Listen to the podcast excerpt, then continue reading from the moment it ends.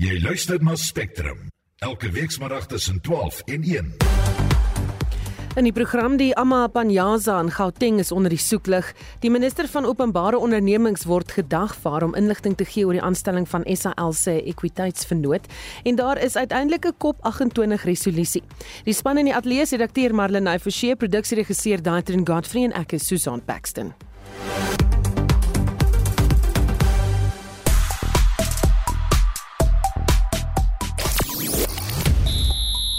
Dis 'n dag propvol krieket wat moontlik kan eindig met 'n reeks oorwinning vir die Proteas. 8 punte staan dit tussen die onstuitbare Mamelodi Sundowns en die res van ons sokkerspanne. En dit is naamlik Eddie Jones het gelieg oor die Breierspos by die Japaneese rugbyspan. Al die besonderhede volg net na 12:30. Nou 'n mediagroep sleep twee vroue hof toe omdat hulle sy publikasies soos tydskrifte en koerante op 'n WhatsApp-groep versprei het.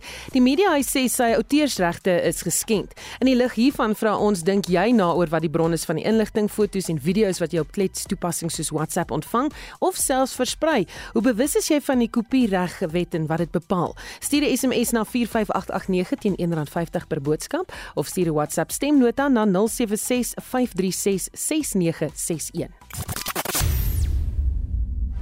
Spectrum, jou middagnuusprogram op RSG. Daar heers groot kommer oor die Gautengse misdaadbestryders, ook bekend as die Amapanyaza, wat nou mense sal kan arresteer en wie bewapen gaan word. Verskeie regskenners is van mening dat die premier nie sy eie polisie mag mag skep nie. Die politieke party Ziluva wat uh, wil nou die kwessie in die hof beslis. Die leier Bongani Baloyi sê dit is onverantwoordelik om vir mense wat nie behoorlik opgelei is nie wapens te gee. I think it's important to go to court to deal with this dangerous precedent set by the Gauteng government of taking young people who are inadequately trained to be able to be peace officers and implement or enforce the laws of Gauteng. I think we all appreciate that they received three months training and we don't even know what that three months training entailed. It could have just been a CV writing skills for all we know. and they're inadequately capacitated.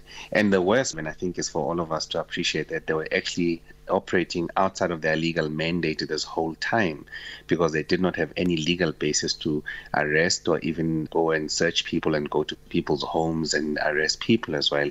So this might even increase Gauteng's legal liability as a consequence of this negligence. Baloyi sê die Gautengse regering is baie arrogant met die optrede en daarom gaan hulle hof toe. I think we need to test. I think the legal recourse is the last recourse we have available that deals with the arrogance and illegal behavior and conduct of the executive of Gauteng.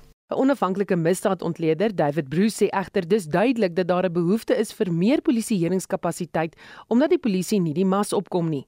There is a need for some kind of supplementary policing capacity to be created. And so, for instance, it's not only in Gauteng that this kind of thing has happened. For instance, in the city of Cape Town, there is also the Law Enforcement Advancement Program, where there are currently about a thousand law enforcement officers who've been deployed in what might be seen as a similar type of role. What's probably more of concern is that the Gauteng provincial government has rushed into the creation of this kind of policing type unit without having the management or without having the capacity to control and manage this type of policing type unit. Bruce sê verder dis nog nie heeltemal duidelik hoe die Gauteng regering te werk gaan gaan om die mense te bewapen nie. I must say I've been trying to follow the issue and I've seen at various points the Gauteng government indicate that they're intending to arm uh, the members of these crime prevention wardens. I'm not entirely clear if as yet they have been provided with firearms. If so, the Gauteng government might very well be acting irregularly and potentially exposing many of us to all kinds of risks as a result. En dit was 'n onafhanklike misdaadontleder David Bruce wat voor vroeër met SAK nuus gepraat het. Die parlement se portefeulje komitee oor openbare ondernemings sê hy gaan die minister van eh, die departement Pravin Gordhan dagvaar om voor die komitee te verskyn. Hulle wil die minister dwing om alle dokumente oor die proses om 'n ekwiteitsvernoot vir Suid-Afrikaanse lugdiens aan te stel aan die komitee voorlê. Die parlementêre regsdienste het die komitee genader met aantuigings dat Gordhan nie sy samewerking gee in ondersoek na ongeruimthede in die proses nie. Marlene Forsie berig die Katse konsortium is aangewys as die voorkeurkandidaat om 'n 51% aandeel in die lugdienste ontvang. Die parlement se senior raadgewer Andile Tetjane sê Gordhan weerhou inligting omdat hy dit beskou as vertroulik. At no point, as the minister said, I am prepared to give this information to the committee so that the committee can look at these documents and make a determination whether what is in the documents is something that the committee can publish. In other words, okay, where, where the committee would say, okay, we've looked at the documents and we think that having looked at them, you are correct in saying that we are not going to avail them for public consumption. Tetiana hou egter vol die dokumente is van kardinale belang in hul ondersoek. The second document is the share sale purchase agreement. The share purchase agreement should very clearly set out one, what is being sold, two, to whom and for how much, three, as well as any other obligations and liabilities. Volgens Tetiane is selfs die ouditeur-generaal bekommerd oor die proses. If I may quote, it says the DPE did not follow a formal process for the invitation, evaluation, and adjudication of proposals from interested parties Hiermee saam meen Tetiane die transaksie tussen SAL en Takatso Consortium is geskaad weens 'n gebrek aan deursigtigheid. The fact of the is this transaction is shrouded in secrecy. And of course, one version being we have the version of the former teaching, in, insofar as what could be contained in the two documents, which the minister is reluctant to share with the committee. Die voorsitter van die komitee, Kayaletu Magatla, sê lede uit verskeie politieke partye het ooreengekom dat die saak na die spreker verwys moet word. Magatla sê hulle daarop besluit om die minister te dagvaar voordat hulle ander moontlike regstappe gaan volg. We cannot just go to have a committee without having gone to that legal support in the form of pinning a person, forcing a person legally to something, you know. I think first we have to undergo that process. Dit was die voorsitter van die parlementêre portefeulje komitee oor openbare ondernemings, Kayaletu Magatla. Die verslag deur Abongwe Kobokana in die parlement, Marlene Forsie, SAK nuus. Ons bly by die onderwerp en praat nou met professor Pieter Dievenage, 'n politieke ontleder verbonde aan Akademia. Goeiemôre Pieter. Goeiemôre Susan. Jou eerste indrukke van wat hier gebeur? Kyk, dit gaan oor 'n privaat maatskappy uh wat 'n beheerende aandeel moet kry in die SAL, nê, nee, dit is 51%. Nou, ek wil nie praat oor die SAL self nie. Ek dink ons almal, die luisteraars ook weet dit was 'n uiters suksesvolle maatskappy, maar dit het die laaste dekade en meer is dit basies uh, in die grond in bestuur onder die huidige regering. 47 miljard rand van die belastinggeld is in die SAL gestort en op die oomblik is die SAL so half aan die werk aan die aan die vlieg maar dit is so teen 50 miljoen rand of meer 'n maand verlies wat dit plaasvind. En uh, nou ja, die die privaat maatskappy moet nou inkom by die SAL en 'n 51% beheerende aandeel kry. Nou die aanvanklik was die tenderproses oop, maar later het die uh privaat sektor maatskappy wat daar betrokke was het onttrek en die regering bestuur nou die proses en toe het hierdie konsortium Takatsu uh uh die basies is die enigste een wat nou deur uh, minister Gordhan aanbeveel word en dit is waaroor dit gaan. Jy weet dit is wat hier uitspeel. Dit is 'n tenderproses. Ehm um, dis 'n privaat maatskappy wat beheerende aandeel oor die SAL gaan kry, maar nou is daar 'n uh, baie vrae, nie net vrae vanuit die privaat sektor en van die algemene publiek nie, maar ook van binne die ANC self. Baie interessant. En hoe is hy gedagvaar om vir die parlement dan nou te verskyn?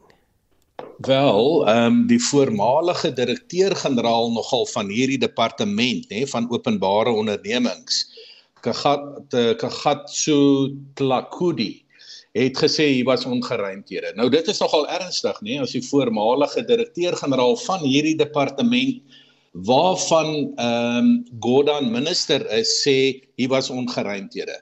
Nou goed, uh, minister Gordhan sê nee, hierdie voormalige DG uh het nie sy feite reg nie en so aan is nou tipies wat mens verwag binne so 'n situasie.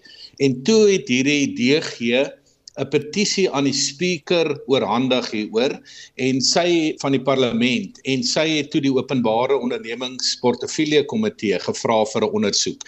Ook die ouditeur-generaal, soos ons gehoor het in die insetsel, het ook vrae gevra wat hier aangaan rondom hierdie hele proses rondom 'n privaat betrokkenheid by die SAL en Gordhan het tog sê nee die proses is baie vertroulik minister Gordhan. En toe kom nou die dagvaardiging van uh, hom om voor die portefeulje komitee te verskyn. Dis dan die komitee van openbare ondernemings uh in die parlement en dit is dit is waaroor dit nou gaan. Hm. Dan nou uit Kordan se geskiedenis, is daar rede tot kommer dat hier ongeruimthede is? Kyk, dit is 'n moeilike vraag. Ehm um, uh as mens kyk na die geskiedenis van minister Gordhan, dan uh, is hy iemand wat vanuit die binnekringe van die ANC kom. Jy weet, hy was in die 70er jare al by die Natalse Indiese Kongres. Hy het bande met die SAKP, die ANC vanuit die 70er jare.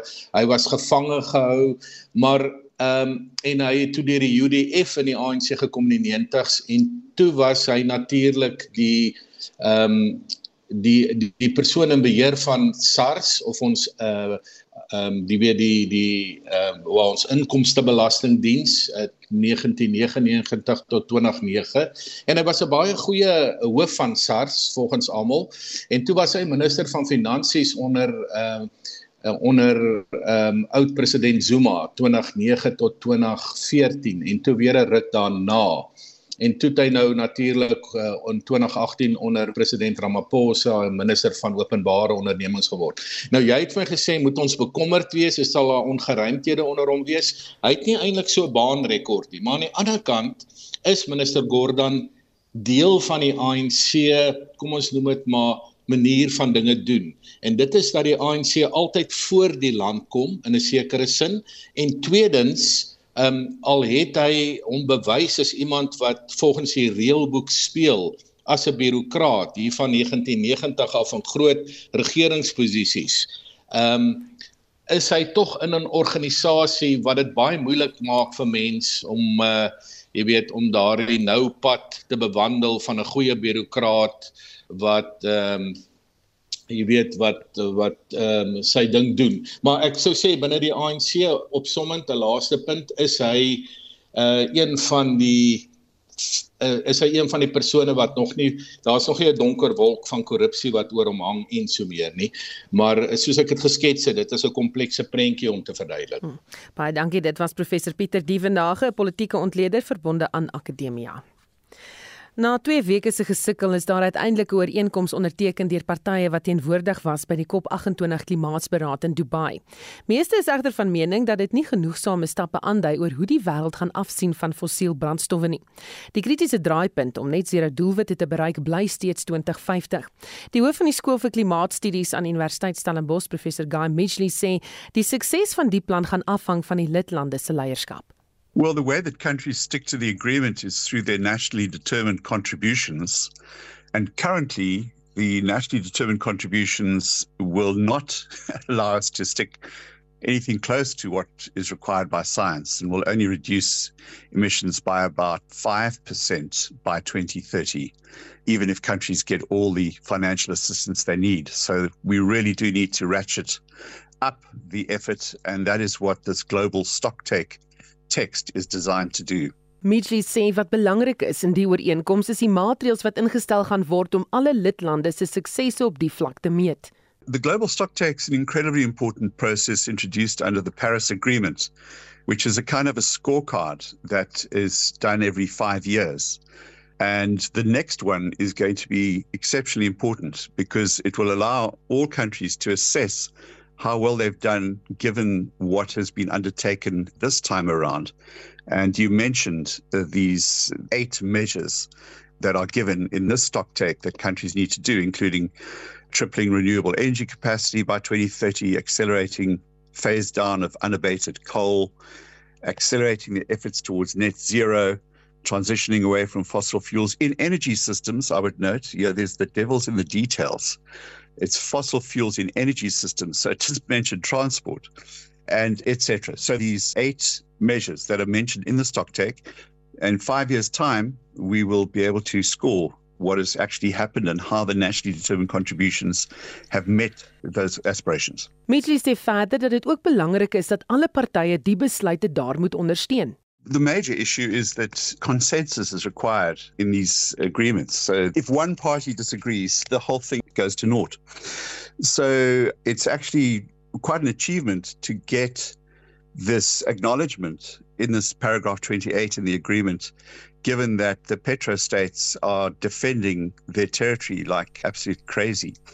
So, in a way, it's a real step forward, but it's extremely hedged. The language is very, very hedged and talks about things like accelerating efforts towards as opposed to achieving. So the devil is in the details, but the signal is extremely clear and it does signal according to some, you know, the end of the fossil fuel era, or the, at least the beginning of the end. Hy sê verder hy verwag nog baie teenstand teen planne om heeltemal weg te stap van die gebruik van fossiel brandstowwe. Well, I think the processes that go on behind the scenes are incredibly important, especially if they go across traditional negotiating blocks like, you know, the so-called umbrella countries or the leading uh, countries in the developed world and the leading country in the G77 in China, which is the other massive negotiating bloc. That's to be welcomed. You know, the more transparency and the stronger the signals come out of the leading parties here, the stronger the outcomes will be in the long term. And the stronger the signal will be to the financial and economic system. It's essential that that message come out strongly. You know, the fossil fuel companies are trying to protect their territory tremendously by talking about uh, phasing out inefficient fossil fuel subsidies. There's a lot of space still left in the text by which they're buying as much time as possible. Dit was die hoof van die skool vir klimaatstudies by die Universiteit Stellenbosch, professor Guy Mitchley. Die Amerikaanse Huis van Verteenwoordigers het 'n aansoek goedgekeur dat 'n ondersoek gelas kan word om president Joe Biden moontlik in 'n staat van beskuldiging te plaas. Drie komitees wat deur Republikeine gelei word, beweer dat daar omkopery en korrupsie gepleeg is tydens Biden se amptetermyn as adjunkpresident. Hulle het egter nog geen bewyse gelewer nie. Biden beskuldig hulle daarvan dat hulle hom aanval. Die ondersoek om Biden moontlik in 'n staat van beskuldiging te plaas is met 'n klein meerderheid van 9 stemme goedgekeur. En ons praat nou hieroor met die hoof van Solidariteit se hoof van internasionale betrekkinge Verwagtinge Jaco Kleinhans. Goeiemiddag Jaco. Uh, Goeiemiddag Susan. Nou goedkeuring om die ondersoek te las is met 9 stemme goedgekeur en nog geen bewyse is vir die bewering gelewer nie. Is dit slegs 'n aanval teen Biden? Ja, kyk, uh, ons sien eintlik nou al vir die afgelope paar jaar uh hoe die demokrate en republikeine voortdurend besig is um, met met hierdie soort van ondersoeke uh om hulle onderskeie leiers te probeer in 'n staat van beskuldiging te plaas en en en eintlik hierdie totale vir uh politisering, jy weet, van byvoorbeeld die departement van justisie of van uh amptelike ondersoeke en ook komitees binne die huis van verteenwoordigers. Um en en hierdie is maar 'n deel van 'n proses, jy weet, waar toe die oomblik toe die republikeine die beheer oor die huis van verteenwoordigers oorgeneem het, toe het hulle besluit om 'n ondersoek na president uh Biden te te begin uh, en en uh, nou ja, hulle het eintlik 'n klein meerderheid uh, in die huis van verteenwoordigers en daarmee saam met hulle nie regtig waar die steun van die Amerikaanse publiek nie. Net soos wat die demokrate dit eintlik ook nie gehad het met hulle ondersoeke teen byvoorbeeld Donald Trump of so nie. Ek dink ehm um, uh, hierdie is eintlik 'n tragiese voorbeeld van waar die politieke situasie in Amerika homself tans bevind um, met 11 maande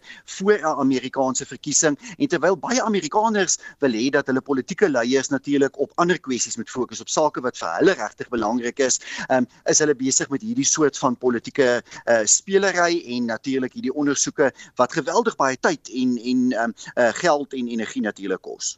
So hoe sal die ondersoek nou verloop? Ja, kyk die die rede hoekom om hulle gister hierdie stemming gehad het in die huis van verteenwoordigers is sodat hulle lasbriewe kan uitreik.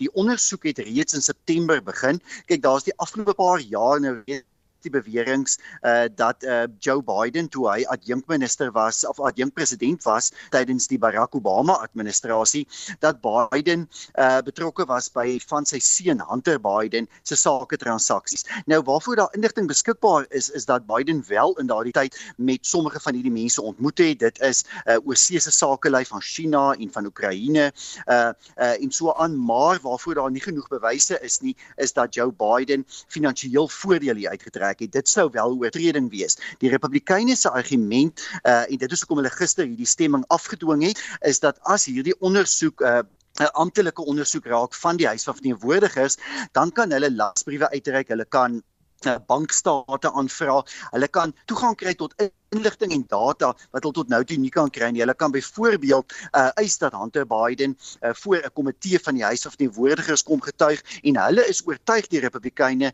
dat hulle daardie meer inligting sal kry wat uiteindelik sal bewys dat Joe Biden wel 'n kriminele oortreding begaan het. So dis die hoop wat hulle het, maar hulle het 'n baie klein meerderheid in die Huis van Teenwoordigers en wat mense moet onthou, meer as 10 van hierdie Republikeine het gewen in distrikte waar Joe Biden in die vorige verkiesing natuurlik gewen het. So hierdie mense moet baie versigtig wees uh, presies wat hulle doen en as 'n mens net gaan kyk na die nuutste peiling wat gister uitgekom het van Economist, dan wys dit dat 14% van Amerikaners sê dat hulle tans tevrede is met die werk van die van die Amerikaanse Kongres. So die Kongres geniet eintlik baie baie lae steun onder Amerikaanse kiesers. Hoe lyk die jongste peiling oor Biden en Trump?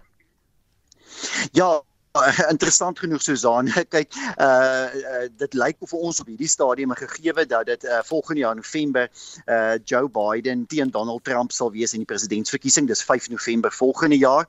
Um daar's min rede om te glo dat dit nie een van hulle twee gaan wees nie. Een van die twee sal sal of moet skielik doodgaan uh of moet onttrek aan hierdie stryd want beide loop baie ver voor. Uh Biden het nie regtig um enige oppositie onder demokrate nie en en en Trump is 'n baie baie sterk in die peilings om die waarheid te sê het sy posisie die afgelope maande net verder verstewig. Oor 3 weke begin kiesers uh, uh te stem natuurlik in hierdie voorverkiesings om hulle kandidaat te kies. Uh eers in Iowa, dan New Hampshire, dan South Carolina en Trump loop hier oral baie ver voor. So dit lyk vir my uh, of dit Biden teen Trump gaan wees, maar as jy in die algemeen Amerika Amerikaanse kiesers vra, dan wil meer as die helfte van Amerikaanse kiesers hê dat dit ander kandidaate moet wees. Uh meer as 50% van Amerikaners sê hulle sou verkies as dit twee ander kandidaate was wat teen mekaar te staan gekom het. Nou Biden se steun op hierdie stadium uh wissel so tussen 38 en 43%. Uh Trump se is miskien 1 of 2%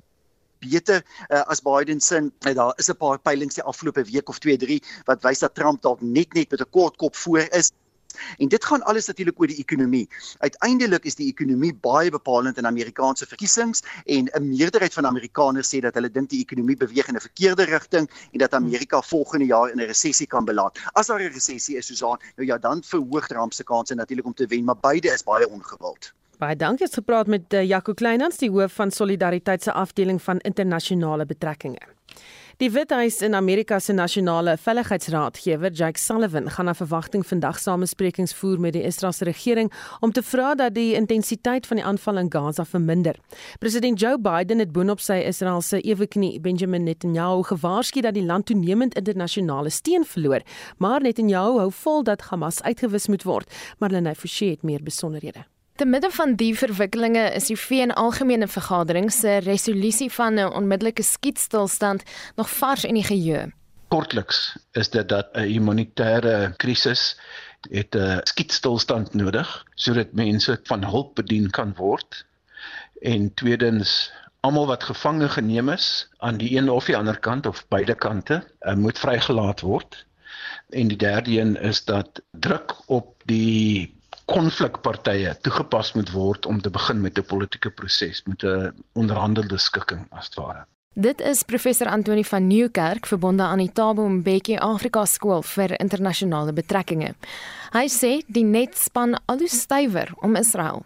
Met die begin van die konflik en met Hamas se inval in Israel was die oorweldigende simpatie en gevoel vir die Israelies Almal het verstaan dat die Netanyahu regering nou drastiese stappe moet neem om die situasie weer onder beheer te bring.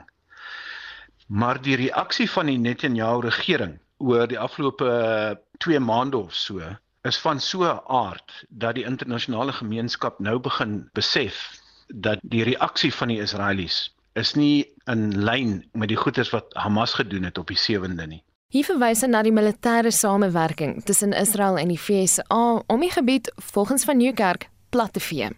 Aan die begin was die simpatie met Israel wat aan die ontvangskant van Hamas was met 'n terreuraanval. Maar nou sien ons na soveel weke van vernietiging in die Gaza waar soveel onskuldige burgerlikes afgemaai word, skuif die internasionale simpatie terug na die Palestynë en weg van die Israelies. En dit sien jy in die kiesprosedures en die patroon van stem in die Verenigde Nasies. Die Veiligheidsraad slaag nie daarin om 'n afdwingbare resolusie te aanvaar nie omdat Amerika dit veto en ander belangrike rolspelers buite stemming bly. Die rede hoekom hulle buite stemming bly is omdat hulle net 'n paar weke van tevore sonder enige voorwaardes vir Netanyahu gesê het ons staan aan jou kant wat jy ook al doen in Gaza strook of in die Wesbank ons ondersteun jou soos wat president Biden doen ons gaan vir jou wapens gee. Ons ondersteun jou moreel en met hulpbronne en met militêre vermoëns. Mens sien 'n duidelike verskywing wat besig is om plaas Absoluut. te vind. Absoluut. En so lande wat voorheen sonder enige kwalifikasie vir die Netanyahu regering ondersteun het, begin nou 'n bietjie terugstaan en die veilige diplomatieke ding om te doen is om buite stemming te bly want jy weeg nou jou opsies, maar die meerderheid van die lande in die algemene vergadering sê nee. Die algemene vergadering se resolusie is egter nie afdwingbaar nie. So wat is die punt? Die ooreenstemming onder die lidlande van die Verenigde Nasies is om druk toe te pas op die Netanyahu regering om in te gee vir 'n skietstilstand of 'n tegniek wat toegepas kan word sodat mense wat ly onder hierdie bloeddorstige oorlog kan ontsnap uit die situasie.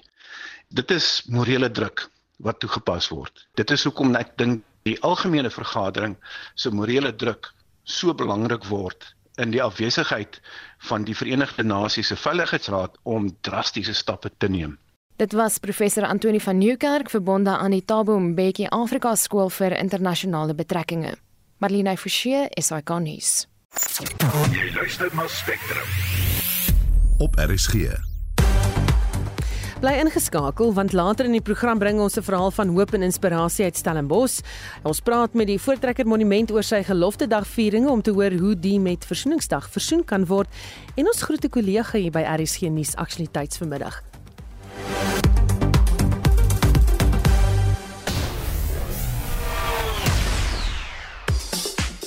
En Udo Karel se sluit nou by ons aan met die dag se sportnuus. Ons begin met cricket want daar is heelwat aksie aan die gang en aan die kom.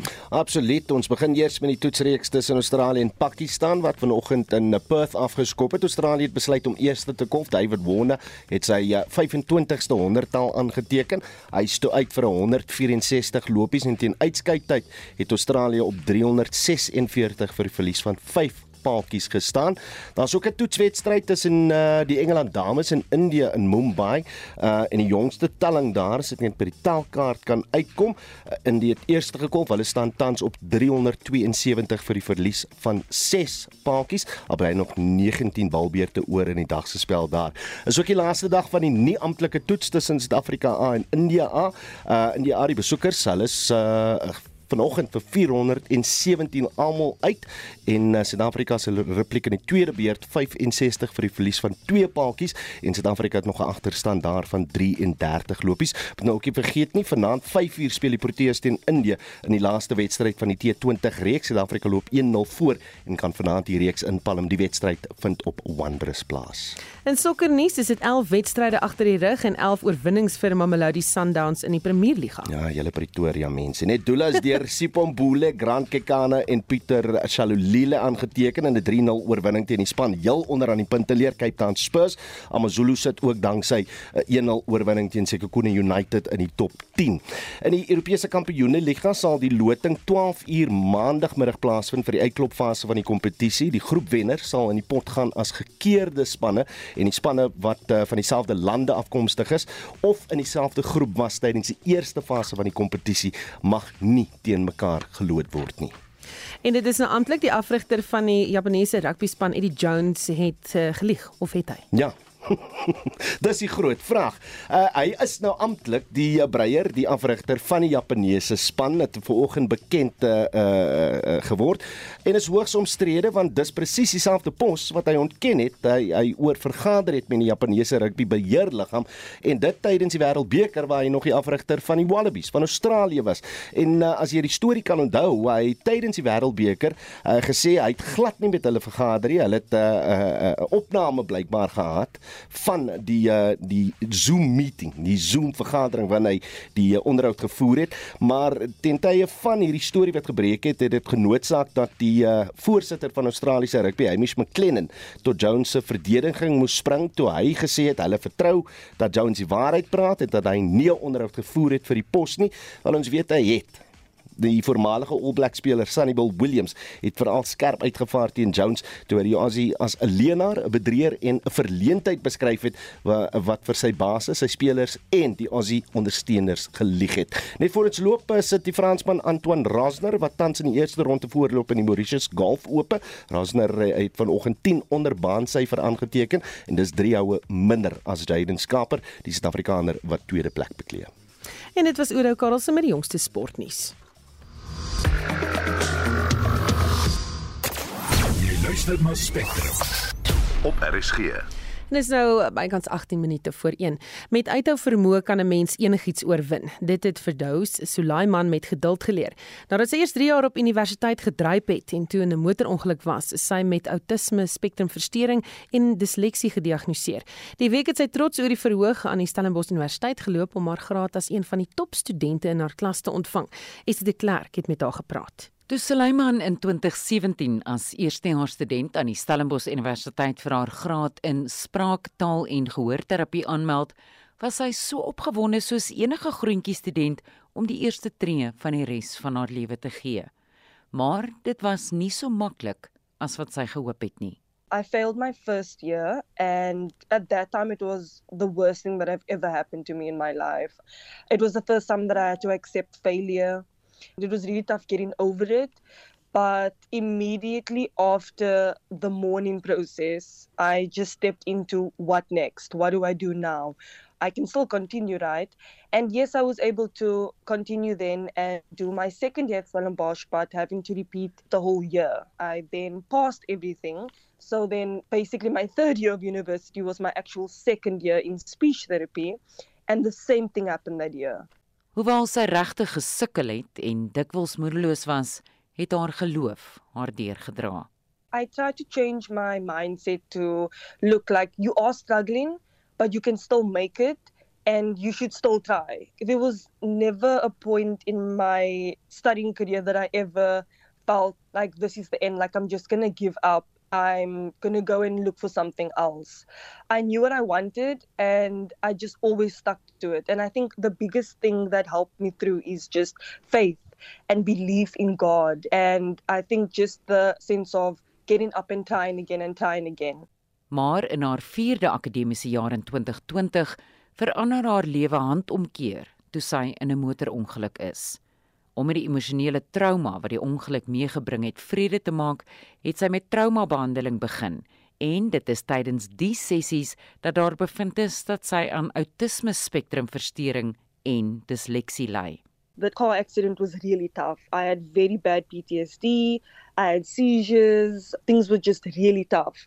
And I was referred to a clinical psychologist in Stellenbosch, Karin Haysen, and after a few sessions, she sat me down and she's like, I'm 99% sure that you're on the spectrum.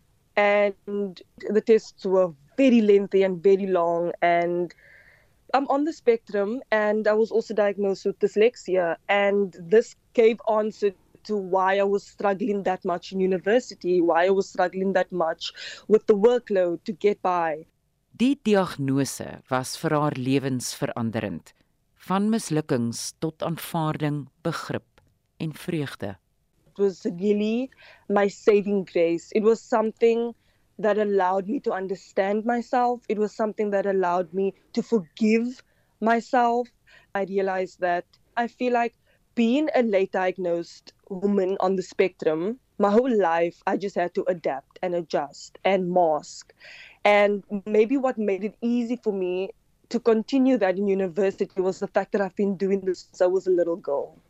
Subconsciously, as a child, I just adjusted and adapted and masked and just tried again and tried again and tried again. And I mean, like when it comes to primary school and high school, it's easy to do that and to also slip through the cracks of look like there's nothing wrong with this child. They're just a bit lazy. They just, you know, a little dumb. It's fine. She's just a bit slow But in university, it really just showed that I really just couldn't slip through the cracks anymore. My diagnosis really saved me in terms of understanding what I need academically, getting concessions, and after that, our life changed. Vroeger van dese week het Suleiman met groot trots oor die verhoog by die Stellenbosch Universiteit gestap en na 7 jaar haar graad in spraaktaal en gehoorterapie as een van die topstudente in haar klas ontvang. Sy is bekroon met die rektorstoekenning vir uitnemendheid in akademiese veerkragtigheid. Sy gaan volgende jaar haar gemeenskapsdiens as spraakterapeut in Robertson doen. Ek is Estie de Klerk vir SAK nuus. Versoeningsdag word die 16de Desember gevier. Dit het voorheen bekend gestaan as Gelofte Dag. Die Voortrekker Monument hou die hele week reeds 'n Gelofte Dag viering wat sal duur tot en met die 16de Desember. Ons praat nou met Gerard Pretorius van die Voortrekker Monument. Goeiemôre Gerard. Goeiemôre Susan, gaan dit goed? Met my gaan dit goed, maar hoekom hou julle Gelofte Dag vieringe eerder as Versoeningsdag? Gelofte Dag is 'n baie belangrike dag.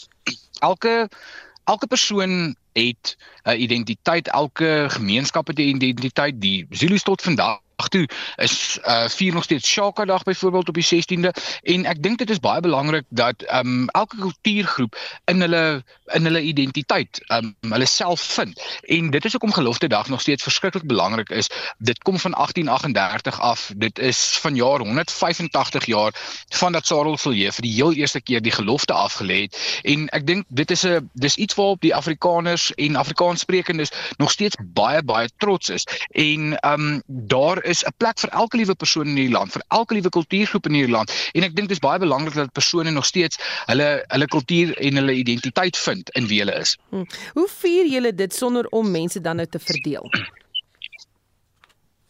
Daar is in die stadium ons is 'n kultuurtuiste waar almal welkom is. Ons sien hoeveel persone van hoeveel kultuurgroepe, internasionale persone wat ons elke liewe dag kom besoek en dan ook op gelofte dag self. Ons het persone gehad um, van Suidoos-Asië wat byvoorbeeld verlede jaar hierso was. Um daar's 'n persoon in die FSA. Hy's 'n hy's 'n hy's 'n persoon hy, hy's 'n Amerikaner en hy het 'n gelofte dag begin en hy het Afrikaans begin leer 8 jaar terug in Amerika. Daar is daar is geen hierdie is nie 'n dag van verdeeldheid nie. Hierdie is 'n dag van saam staan en saam wees en mekaar se kulture respekteer en ek dink dit is die belangrikste ding. Hmm, maar fisies letterlik, hoe doen julle dit? Wel, ons het 'n ons ons is 'n ons is 'n 'n 'n kultuurorganisasie. Ons is 'n museum. Um ons is 'n ons is 'n baken van hoop waar ons vir persone die geleentheid gee om hulle self uit te lewe en in geloof. Ons is 'n Christen organisasie en ons is gesoei geskoei op ons Christendom en ek dink daai is waar dit ingeanker en ingesetel is is in geloof. Wat sê vir my maar jy bied julle dinge aan by die Voortrekker Monument, nooi julle mense soontoe om hierdie kultuurerfenis in hierdie konteks te gaan vier. Hoe doen julle dit?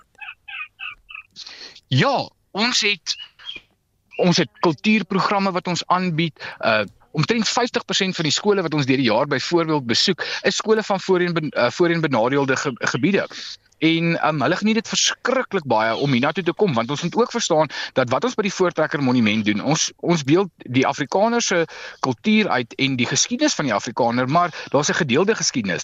'n geskiedenis met die met die Matabele's 'n geskiedenis met die Barolong stam 'n geskiedenis met die Zulu's met die Portugese met die Italianers. So hier is 'n gedeelde storie wat ons vertel vir almal van waar ons vandaan kom. En ek dink dis die baie belangrike ding. Dit gaan oor verhoudings op die ouene van die dag na die slag van Bloedrivier was daar 'n versoening gewees tussen die Zulu's en die en en die voortrekkers en met die in, inhuldiging van Mpande as die nuwe koning was Andries Pretorius daar. En ek dink dit wys ook daardie daardie idee van ons kan mekaar tog vergewe vir wat gebeur het en ons het 'n pad wat ons vorentoe saam wil stap. En ek dink dis die baie belangrike boodskap wat moet uitgaan. Daar is verhoudings en menigte verhoudings wat gebou is en verhoudings wat gekoester moet word. Hm, baie dankie, dit was Gerpetorius van die Voortrekker Monument.